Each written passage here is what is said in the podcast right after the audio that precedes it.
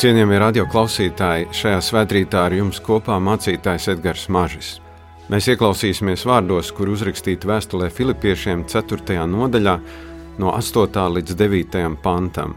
Vēl, brāļi, domājiet par visu, kas patiesi, godājams, taisns un šķīsts, kas ir pievilcīgs un apbrīnojams, kas saistīts ar likumu un ir slavējams. Visu, ko esat mācījušies un pieņēmuši, ko esat dzirdējuši un redzējuši manī, to tad arī dariet, un miera Dievs būs ar jums. Āmen!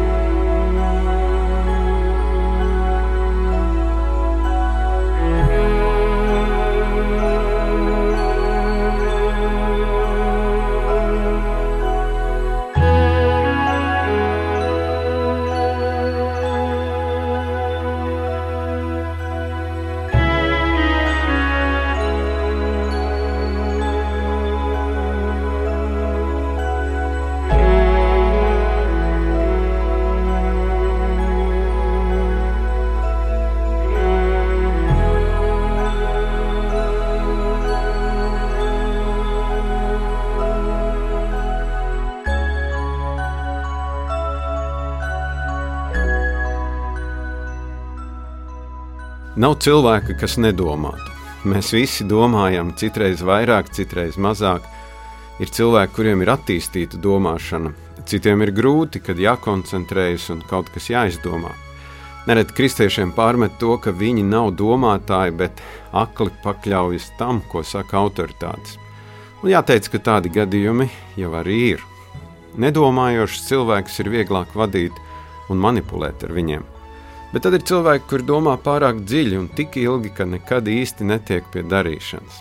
Apstults Pāvils šajā rītā mūs aicina domāt.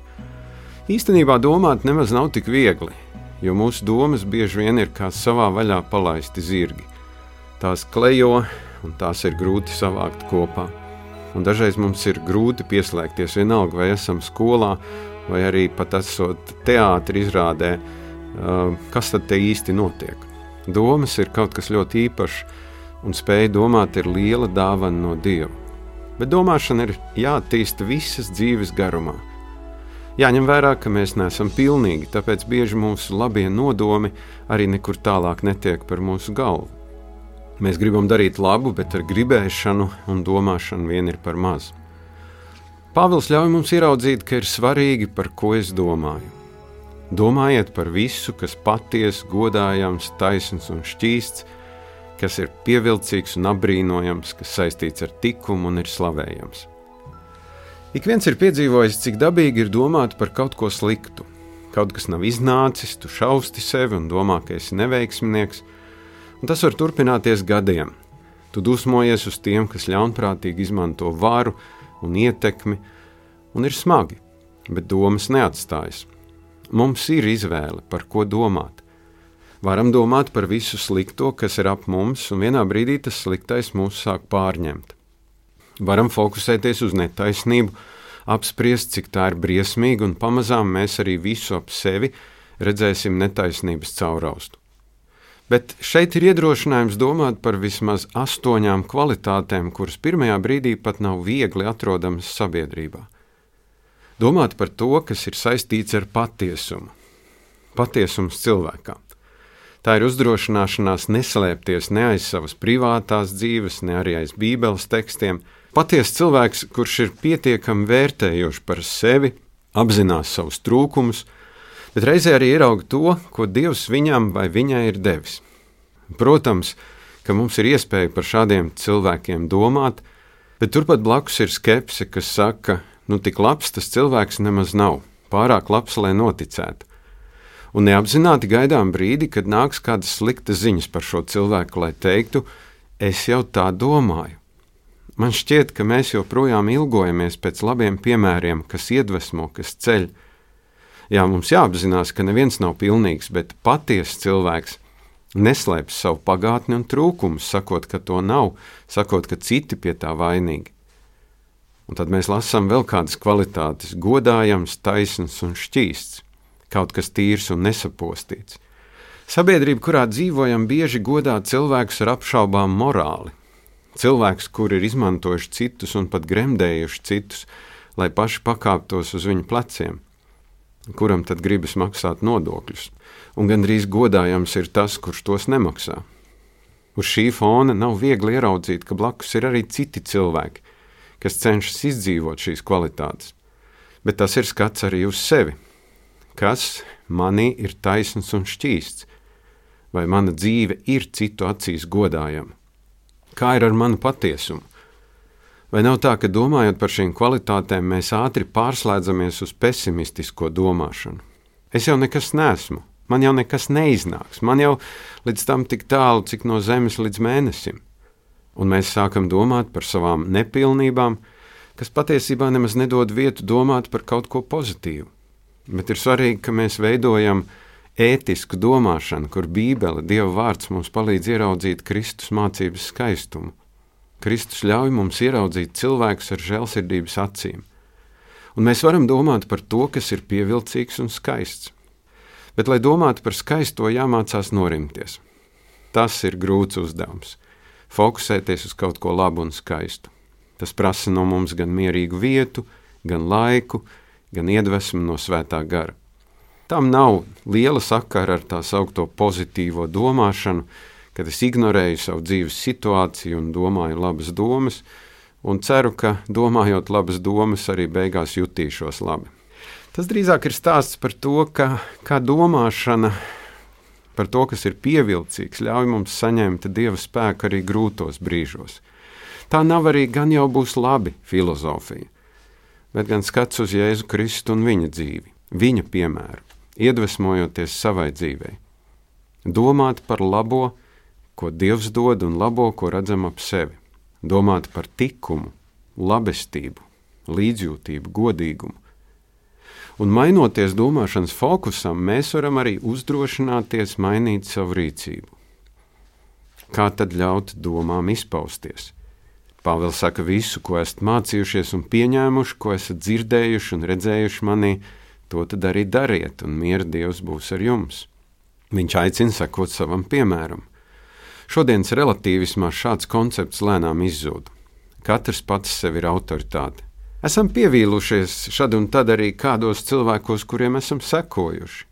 Bet šeit mēs lasām, ka šis piemērs var būt tik dažāds - mācīšanās, pieņemšana, dzirdētais un redzētais.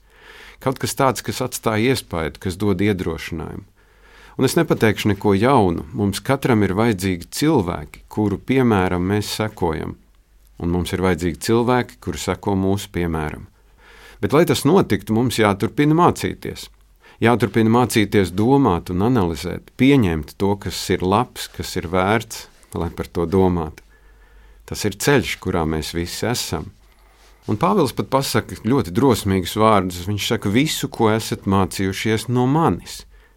Labas domas un atziņas ir tikai sākums tam, ko mēs saucam par ikdienas dzīvi darīt saskaņā ar savām domām, dzīvot, sekojot tam, kas ir patiesa un slavējams. Tā ir tik atšķirīga dzīve salīdzinot ar to, ko mēs tik bieži piedzīvojam. Tas ir kaut kas vairāk, kā mēs esam pat cerējuši. Un šajā ceļā mēs neesam vieni. Dieva klātbūtne ir ar mums, Dieva miers būs ar mums. Un Dieva klātbūtnē šo dzīvi ir vieglāk izdzīvot. Kad domas un darbi atrodas harmonijā, mēs kļūstam uzticami cilvēki patīkami citiem un spējīgi būt par labu paraugu. Bet sākums ir mūsu doma tīrīšana. Kaut kas tāds, ko cilvēki ir mēģinājuši darīt ar pašiedvesmu, ar kādiem konkrētiem vingrinājumiem, bet tikai Jēzus Kristus var manas domas iztīrīt, mainīt manus līdzinējos priekšstats par sevi un cilvēkiem. Un savā ziņā arī manas domas par to, kā Dievs uz mani skatās un ko Viņš domā par mani Bībelē mēs lasām šādus vārdus pravieša Jeremijas grāmatā, kur Dievs saka, es zinu, kādas man domas par jums, miera un glābšanas domas un neļaunuma un ciešana domas, un es jums beigās došu to, ko jūs cerat. Kad jūs mani piesauksiet, es jums atbildēšu, un kad jūs nāksiet un mani pielūgsiet, es jūs paklausīšu. Un ja Dievs man uzlūko citādāk kā es sevi, Ja Dievs vēlas man izglābt, tad es varu ļauties viņam. Atdot viņam arī savus domāšanas veidus, kā es esmu domājis līdz šim, ļaujot pārveidot sevi un iegūstot jaunas acis, ka tu un es mēs spējam ieraudzīt to, kas ir labs un šķīsts, un ka spējam par to domāt, un ne tikai spējam domāt, bet arī darīt. Kristus mūs izved no tās tumšās domu bedres, gan par sevi, gan citiem, un ļauj mums domāt viņa domas. Bībelē, vecajā derībā, Caharijas grāmatā mēs lasām: Dariet šīs lietas, sakiet viens otram patiesību. Patiesība, taisnība un miers, lai valda jūsu vārtos. Ļaunu viens par otru sirdī nedomājiet, melīgu zvērstu nemīļojiet, jo visas šīs lietas es nīstu, saka kungs.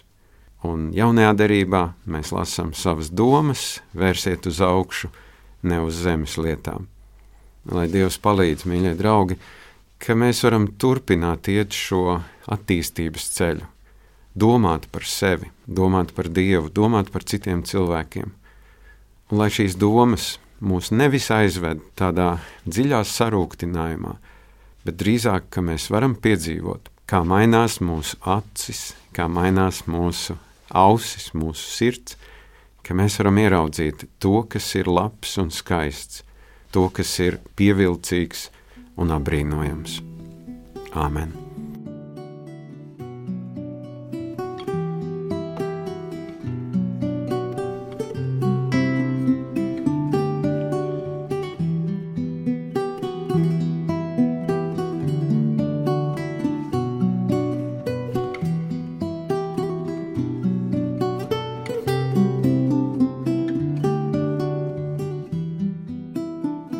Paldies, debesu Tēvs, par šo rītu. Paldies, ka Tu ļauj mums šīs dienas iesākumā klausīties Tavus vārdus. Un Tu zini, cik dažādos apstākļos un vietās cilvēki dzird šo svētkrītu. Un Tu pazīsti cilvēkus, un Tu zini, kuriem ir vajadzīgs Tavs iedrošinājums. Kungs Kristu izved no tām drūmām domām, kurās tik daudzi cilvēki dzīvo domādami par sevi, domādami par citiem šķiet nav neviena gaiša doma palikusi. Palīdz ieraudzīt to skaisto, to godājamo, to, kas ir patīkams, to, kam ir laba slava. Un palīdz ne tikai ieraudzīt, bet palīdz ikvienam savā dzīvē tiekties pēc šī skaistuma. Kungs, Dievs, tu redzi, cik bieži mēs esam sliktās domās par sevi un vēl sliktākās domās par citiem, bet attīri mūs, attīri mūs šajā rītā un ļauj mums redzēt tiešām to īpašo un vienreizējo, kas ir katrā cilvēkā. Mēs pateicamies Tev par šo rītu, mēs turpinam lūgt par Ukrainu. Kungs, Dievs, mēs esam noguruši. Noguruši sekojot līdzi, noguruši klausoties ziņas, un droši vien arī Ukrāņi paši, cīnoties par savu brīvību, ir noguruši. Lūdzu, atvieglo viņus un dod uzvaru, ka viņi var kļūt brīvi no šīs okupantu varas, no šī okupantu iebrukuma. Mēs lūdzam arī par savu valsti. Tu redzi mūsu katru, tu redzi mūsu valsts vadītājus, mēs lūdzam tavu gudrību, kā arī viņu domas varētu būt par to, kas ir labs, par to, kas ir tīkams, par to, kas nes svētību tautai. Par visu tev pateicamies, Kungs, Kristu, un uzticam šo dienu tev mūsu Kunga Jēzus Kristus žēlastība, Dieva Tēva mīlestība un Svētā gara sadraudzība, lai ir un paliek ar mums visiem tagad un vienmēr. Āmen! Radio Svētrītā ar jums šajā rītā bija mācītājs Edgars Mažis.